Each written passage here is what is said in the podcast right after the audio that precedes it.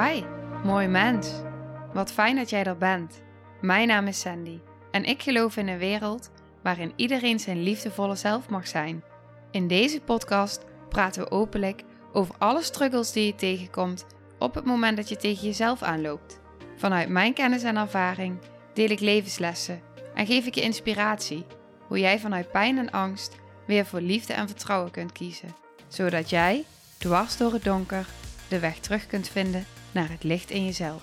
Welkom bij de Liefdevolle Strijder Podcast. Hey, hallo.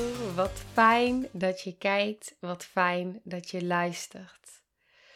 Nou, ik zit hier in een heerlijke warme trui.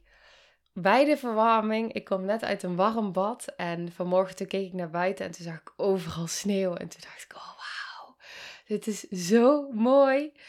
Ja, voor mij is de winter echt begonnen, ook al is het nog herfst. En ik dacht ook echt vanmiddag als ik telefonische afspraken heb, dan trek ik mijn wandelschoenen aan, zet ik mijn muts op en dan ga ik lekker buiten in het bos uh, bellen. Heerlijk in de natuur. Uh, ja, in die wondere wereld. Want dat is hoe ik sneeuw altijd zie. Ik vind dat zo, ja, zo mooi, zo magisch mooi. Ook al ben ik niet zo van de kou, maar dit maakt het wel weer, uh, wel weer mooi, vind ik. Nou, als je nu kijkt, zie je naast mij mijn drummetje staan. Ja, ik ga zo meteen echt iets heel tofs doen, namelijk. Ik kreeg ineens het idee dat ik dacht, ik heb een, de tweede module van het traject Een innerlijke vindtocht naar wie je werkelijk bent, gaat heel erg over jezelf reguleren. Je zenuwstelsel kalmeren, wat ook maakt dat jouw zelfhelend vermogen weer geactiveerd wordt. En nou ja, waardoor je veel meer innerlijke rust gaat ervaren. Nou, het heeft heel veel effect. En toen dacht ik ineens, maar waarom ga ik niet een ademsessie opnemen met de drum? Samenwerken met de spirit van de drum. Het is het hert. En nou, dat doet heel veel voor mij. Maar los daarvan dat het heel veel voor mij doet, werkt het zowel energetisch, maar ook echt fysiek ook door op het moment dat jij uh, nou, die heling eigenlijk ontvangt van de drum. En ik dacht ineens, ja, ik ga dat zo meteen doen. Ik ga die gewoon nog extra toevoegen. Want wat die drum dus betekent, en ik vind dat echt, nou, als je kijkt op fysieke laag, een drum met de trilling van de drum synchroniseert die dus je hersenhelften. En dat maakt dat het zelfhelend vermogen wordt geactiveerd, je immuunsysteem wordt versterkt en emotionele blokkades, trauma's, die worden eigenlijk op het moment dat je dus zeg maar, um, nou, dus ook werkt met die drum, als je die, die helende klanken naar je toe krijgt, helpt dat om ze te bevrijden, om ze los te komen, zeg maar. Dus heeft eigenlijk een enorm versterkend effect op genezing, op lichamelijke genezing. Ook bij chronische pijn, bij chronische klachten. Ja, ik vind dat echt, uh, echt heel bijzonder. Dus ik dacht ineens, dat ga ik daar doen. Dus vandaar dat hij hier staat. Dus als ik dadelijk uh, klaar ben met de podcast opnemen, ga ik lekker drummen. En uh, nou ja, helemaal die ademoefening daarin. Dat is ook zo mooi, omdat je op het ritme van die adem dus zeg maar die drum kan laten klinken. Oké. Ik heb nog best wel weinig gedeeld, volgens mij, zo op de podcast over echt uh, je kunnen aanmelden voor het online traject. Een innerlijke vindtocht naar wie je werkelijk bent.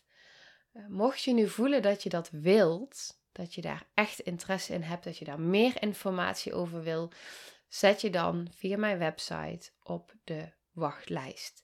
Want op het moment dat ik weet in welke vorm ik het dadelijk uh, nou ja, weer, weer een groep ga laten starten. Er is nu al een groep gestart die um, nou, in, mijn, in mijn trajecten zitten. Zowel het Life Changing traject, uh, die al nooit meer jezelf wegcijferen programma volgde, die in, uh, individueel bij mij in traject zitten. Um, nou ja, en ook nog een aantal mensen die me echt al lange tijd mailden. En nou, zo graag wilden starten, niet meer konden wachten en al zo lang contact met hun had dat ik dacht: oké, Um, nu het er staat, go. Eh, maar ik voel dus dat ik het ook voor nou iedereen die interesse heeft, die zich al op de wachtlijst heeft gezet. Ik wil het gewoon echt via een. Um, nou, ik, ik, ik heb de prijs al in gedachten en daarin voel ik ook echt van, nou, dit gaat, um, dit gaat een hele, hele, hele mooie zijn. Uh, omdat ik het gewoon zo graag mogelijk wil maken voor uh, veel mensen. En tegelijkertijd ook wel echt wil vragen dat je de investering voor jezelf doet, omdat ik weet dat met een investering komt ook commitment. Dus, um, en dat is echt zo, dat is echt mijn ervaring. Ja, dat is echt mijn ervaring. Dat zie je ook echt terug. Dat op het moment dat je ergens je echt in commit, um, dat doet wat in de energie, dan ga je echt ervoor. En alleen dat al is al een transformatie. Dus um, nou ja, maar goed, dat even terzijde. Ik wil ook echt even naar de aflevering van vandaag gaan. Maar op het moment dat je echt voelt van, oh, ik wil hier um, meer info over. En op het moment dat ik dadelijk uh, weer echt met de groep ga starten. Want ik wil gewoon, ik wil dit even in een hele goede uh, weg gaan leiden. En dat iedereen die interesse heeft, uh, die mij dus nog niet al heeft gemaild of al in een traject zit, uh, maar die zich wel op de wachtlijst heeft gezet, dat die ook echt een, uh, een heel mooi aanbod krijgt. En ik zit nu dus nog te denken in de vorm van hoe ik daarin ook hele toffe bonussen kan gaan toevoegen. Dus um, nou, dat mag zich allemaal nog gaan, gaan vormen. Maar dan weet je in ieder geval dat dat er aankomt. Um, ik verwacht begin van het jaar. Dus um, als je interesse hebt, zet je er echt op gaat echt alles voor je veranderen. Het is echt zo. Dat, uh, ja, dat durf ik wel te zeggen. Dat het echt veel gaat veranderen. Oké, de aflevering van vandaag. Ik heb wat dingen opgeschreven vandaag, want ik kreeg een vraag. En de aanleiding van de aflevering, ook die heb ik even opgeschreven, aflevering nummer 282. Te laat of te vroeg, diepere oorzaak achter gedrag. Uh, op basis daarvan kreeg ik dus een vraag en kreeg die vraag al een week geleden. En ik heb daar even over zitten voelen. Hoe ga ik deze vraag beantwoorden met het mini beetje informatie wat ik heb? Um, kan ik deze vraag op de podcast beantwoorden? En ik heb dat even soort van laten um, ontvouwen. En ik dacht, ja, op het moment dat ik voel van, hé, hey, vanuit deze ingang wil ik antwoorden, want ik kan op zoveel lagen antwoord geven. Um, maar als ik weet vanuit welke laag en vanuit welke ingang ik antwoord wil geven, dan ga ik hem opnemen. Nou, en ik heb nu wel een beetje een idee. Dus ik zie wel wat er komt. De vraag was, het ging erover dat op het moment dat bijvoorbeeld dan iemand te laat komt, omdat hij in de file heeft gestaan en dat dan deelt. Toen zei deze vrouw tegen mij van, um, ja, als iemand zoiets tegen mij zegt, dan gaan mijn eerste gedachten, is er altijd een deel in mij die dan zegt, maar wie zegt dat het waar is wat diegene zegt? Wie zegt dat het echt zo is? En eigenlijk zei ze vervolgens: Ik trek alles in twijfel wat iemand zegt. Waarom denk ik dat? Dat vroeg ze aan mij. Waarom denk ik dat? Uh, interessante vraag. Uh, ik kan daar niet het directe antwoord op geven, want het kan met heel veel dingen te maken hebben. En de antwoorden zitten altijd in jezelf. Uh, dus niet buiten jezelf. Dus ik kan geen antwoord geven vanuit hoe dat, uh, waarom iemand zo denkt zoals hij denkt. Maar ik kan wel vragen stellen en wat dingen die door mij heen komen met je delen. En ik denk dat, dat je echt, um, ja, ik denk dat je hier zeker waarde uit kan halen. Het eerste wat door me heen kwam, wat ik opschreef, was: wat raakt het in jou als iemand niet eerlijk is? Dus dat is de eerste, wat echt, wat raakt het in jou op het moment dat iemand niet eerlijk is? Wat voel je daarbij? Want dat is natuurlijk super interessant. Ik heb daar nog iets over opgeschreven. Op het moment namelijk dat jij op die manier gaat kijken, dus even de aandacht van de ander aflegt. Oké, het gaat eigenlijk helemaal niet over die ander. Het gaat eigenlijk nooit over de ander. De ander triggert iets in ons, in jou. Ehm, en het is interessant om dan te gaan voelen bij jezelf: hé, hey, wat zegt dit over mij? Wat voel ik hierbij? Wat doet dit met mij? En kun je dan gaan kijken in jezelf wat daarin geraakt wordt? Kun je toestaan in jezelf wat daarin nog gezien en gehoord wil worden in jou?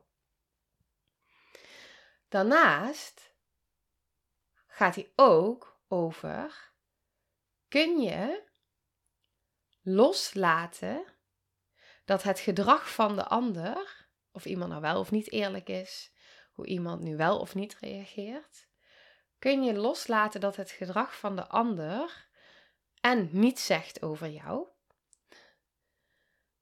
Alles zegt over de ander en zijn proces, zijn pijn, zijn trauma, zijn stukken, zijn thema's. Ehm, want op het moment dat we dat kunnen loslaten, gaat dat zoveel bevrijding geven. Want we, we kunnen het niet controleren. En dan is het andere stukje ook, kun je accepteren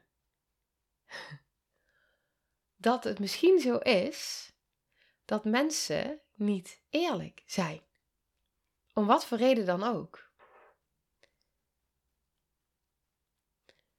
Want als ik dan aan je vraag, wanneer zijn mensen nu echt eerlijk?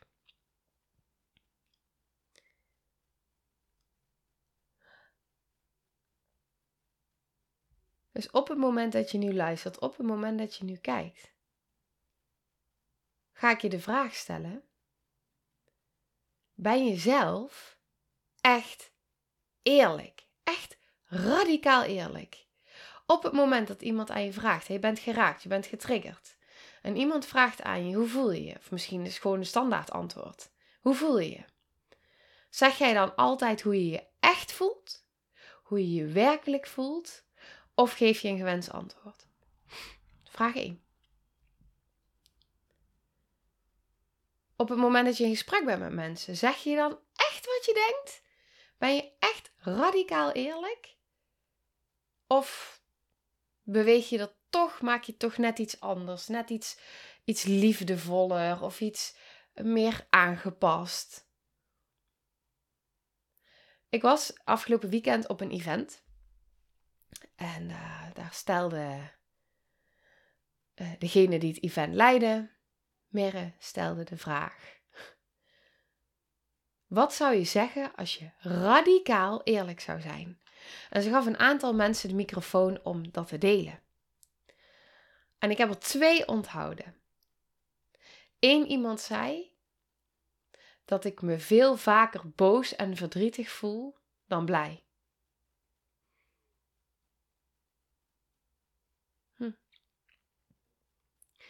iemand anders zei dat ik klaar ben met de hele tijd compassie hebben met iedereen, zei ze. De hele tijd maar compassie hebben met iedereen en alles snap, ik ben er klaar mee. Ja. Dus wat zou je zeggen als je echt radicaal eerlijk zou zijn zelf? En ben je dat echt? En als het antwoord nee is, ben je echt altijd radicaal eerlijk tegen iedereen. En als het antwoord nee is, kun je het dan verwachten van de ander? En wat zou er gebeuren op het moment dat wij allemaal helemaal eerlijk zouden zijn? Wat zou dat doen? Het zijn gewoon een paar vragen, maar ik, ik, ik wil dit gewoon aan je vragen om er eens over na te denken. Zonder dat ik dingen ga invullen, zonder dat ik antwoorden ga geven. Ik ga alleen maar vragen stellen. Um, Ja, dat is wat ik wil doen. Ik wil alleen maar vragen stellen. En ik heb nog een andere vraag. Wat is nou echt belangrijk? Stel, iemand is niet eerlijk. En ja, ergens voel je dat waarschijnlijk, want anders zou je niet twijfelen. Kun je vertrouwen op je waarneming? Kun je vertrouwen op je gevoel? Kun je bij jezelf blijven? Hé, wacht, ik voel dat er iets niet klopt. En misschien is die ander helemaal niet eerlijk tegen zichzelf. Gaat het helemaal niet over jou, maar is die al niet eerlijk tegen zichzelf? Hoe vaak is dat? Omdat daar schaamte onder zit, omdat daar pijn onder zit. Laat zei iemand nog tegen mij: Dat is een heel mooi voorbeeld. Die zei tegen mij: Ik kwam tot een besef, zei hij. Hij besefte ineens dat als iemand hem een bepaalde vraag had gesteld op een bepaald moment, zei hij, dan zou ik echt een rot antwoord terug hebben gegeven. Echt een bot, een botte reactie.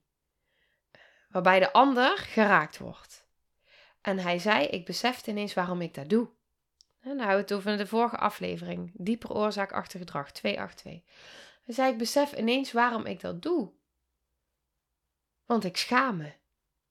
Dus als ik puur antwoord zou geven van wat ik echt voel, en dat het dus het antwoord dus, dan zou ik me kwetsbaar voelen, zou ik me schamen, en dat wil ik niet voelen. Dus dan geef ik maar zo'n reactie, waardoor de ander zich rot voelt, maar dan hoef ik me niet te schamen. En dat was dus ook uh, een, een, een, uh, ja, eigenlijk is dat een traumarespons. Je wordt getriggerd op iets. Um, dus kunnen we kunnen we uh, onszelf de vraag stellen in contact met de ander: wat is nu echt belangrijk? Want voor mij is het antwoord altijd geweest: ik ga toch iets delen. Ehm, ik voelde als kind altijd al heel sterk, heb ik altijd gehad, wanneer iemand liegt. En ik kon ook nog eens voelen, als diegene loog, waar dat, wat daaronder zat. Dus ik kon ook nog het diepere daaronder voelen. Dus ik kon ook voelen, oh, nu liegt iemand omdat hij zich schaamt. Ehm, en hij liegt eigenlijk ook tegen zichzelf. Want ik kon ook voelen als iemand er dus niet meer in verbinding was. Dus er zijn twee verschillende. Dus als iemand zich schaamt en dus liegt, of dat iemand niet eens in verbinding is met zichzelf op een bepaald stuk, waardoor die liegt omdat hij helemaal niet doorheeft dat het niet zo is. Zeg maar. die, die zit er ook nog. Er zitten heel veel facetten hierin, zeg maar. En ik kon dus altijd heel sterk voelen, ehm, nou ja, als iets niet waar was. Maar ik kon dan ook uh, heel sterk bij mezelf blijven voelen, maar wat vind ik belangrijk? En wat ik belangrijk vind, was om de ander te zien, de ander te erkennen, de ander toe te staan. Dus ik heb heel vaak gehad dat mensen gewoon recht in mijn gezicht stonden te liegen. En dat ik dat gewoon wist. En dat ik alsnog daar niets over zei. Want wat levert mij dat op op dat moment? Ik trigger die ander in pijnstukken. We gaan uit verbinding. Um, en we zijn allebei alleen. Dat is het. Dus voor mij was de keuze eigenlijk om in mezelf dan te zeggen, zonder dat ik het tegen die ander zei, maar ik zie je pijn. En vanuit liefde te blijven kijken. Zonder verwachting, zonder oordeel, zonder het in twijfel trekken of wat dan ook. Want ik wist het gewoon, ik voelde het gewoon. Dus die is natuurlijk ook heel belangrijk op het moment dat je het in twijfel trekt. Vanuit waar komt die? Vanuit waar komt het in twijfel trekken? In alles wat ik nu zeg, misschien linkt er wel iets waarbij je denkt: oh ja, dit herken ik. Dit heb ik ook op die manier. Of nou, dit raakt het in mij. Misschien voel je wel dat je getriggerd wordt in iets wat ik zeg. Belangrijk, zet hem op pauze. Ik word getriggerd. Hé, hey, wat gebeurt er? Ik kan op mij afvuren, maar dan weet je nog niks over jezelf.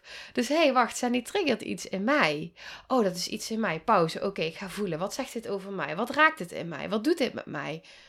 Wat wil dit mij vertellen? Wat wil er gezien worden in mij, erkend worden in mij? Het gaat nooit over de ander. Hier zitten de antwoorden van binnen, in jezelf. Alle antwoorden.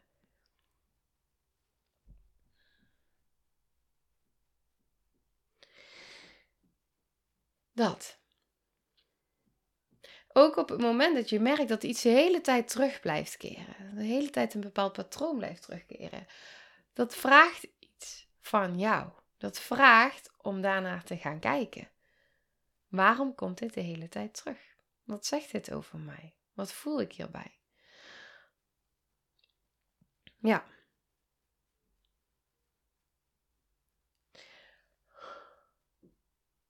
Ja, dit is het. Dit is wat ik met je wilde delen. Ik ga hem ook niet langer maken dan dit.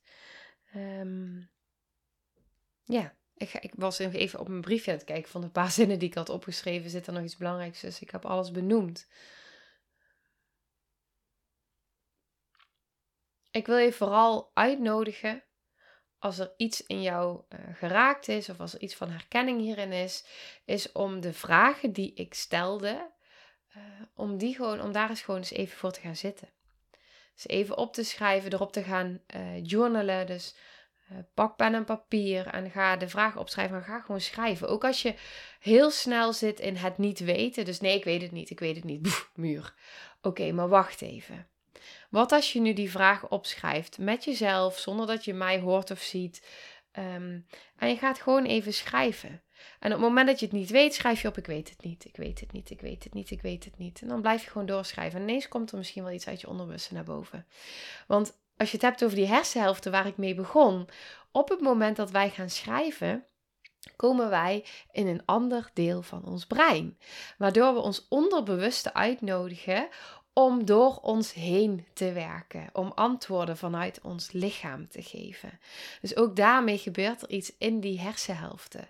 Dus met schrijven nodig je jezelf uit om, en vooral als je blijft schrijven, de hele tijd door blijft schrijven, ook als je het niet weet en ook dat gewoon opschrijft, uh, kom je steeds iets dieper in jezelf.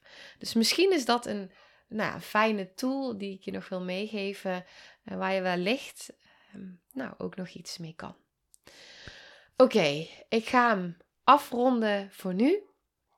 Um, ja, veel succes. En ik zie je bij de volgende aflevering. Of, of je hoort mij. Oké, doei doei. Nou, lieve mensen, ontzettend bedankt voor het luisteren. Ik ben heel benieuwd wat je van de aflevering vond en welk inzicht je eruit hebt gehaald. Mocht je nog vragen hebben of is er een onderwerp waar je meer over wilt weten, laat het me dan weten. En wie weet neem ik het mee in een van de volgende afleveringen. Als je het leuk vindt, kun je de aflevering delen. Of maak een screenshot en tag me op Instagram. Want ik vind het echt super tof om te zien wie er luistert. De link van mijn Instagram staat in de beschrijving bij de podcast. En wil je blijvend geïnspireerd worden? Klik dan op abonneer of volgen in de podcast-app waarmee je luistert. Dat zouden ik en alle toekomstige luisteraars enorm waarderen. Want dat zorgt er namelijk voor dat de podcast beter gevonden wordt. Nogmaals, dankjewel voor het luisteren en heel graag tot de volgende aflevering.